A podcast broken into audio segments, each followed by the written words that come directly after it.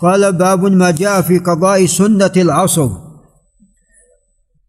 قال عن أبي سلمة بن عبد الرحمن بن عوف انه سال عائشة رضي الله عنها عن السجدتين اللتين كان رسول الله صلى الله عليه وسلم يصليهما بعد العصر فقالت كان يصليهما قبل العصر عليه الصلاة والسلام ثم إنه شغل عنهما أو نسيهما.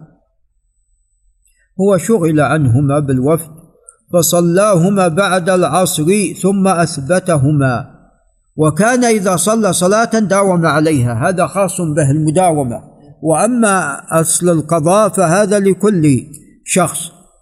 رواه مسلم والنسائي. وعن أم سلمة رضي الله عنها قال شغل رسول الله صلى الله عليه وسلم عن ركعتين قبل العصر فصلاهما بعد العصر رواه النسائي.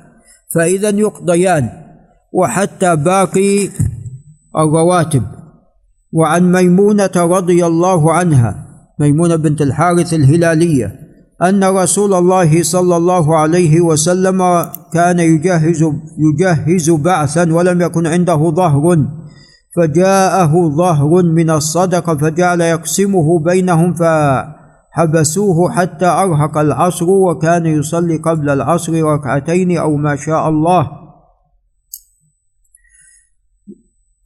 فصلى العصر ثم رجع فصلى ما كان يصلي قبلها وكان إذا صلى صلاة أو فعل شيئا يحب أن يداوم عليه. رواه أحمد. أعطنا إسناده.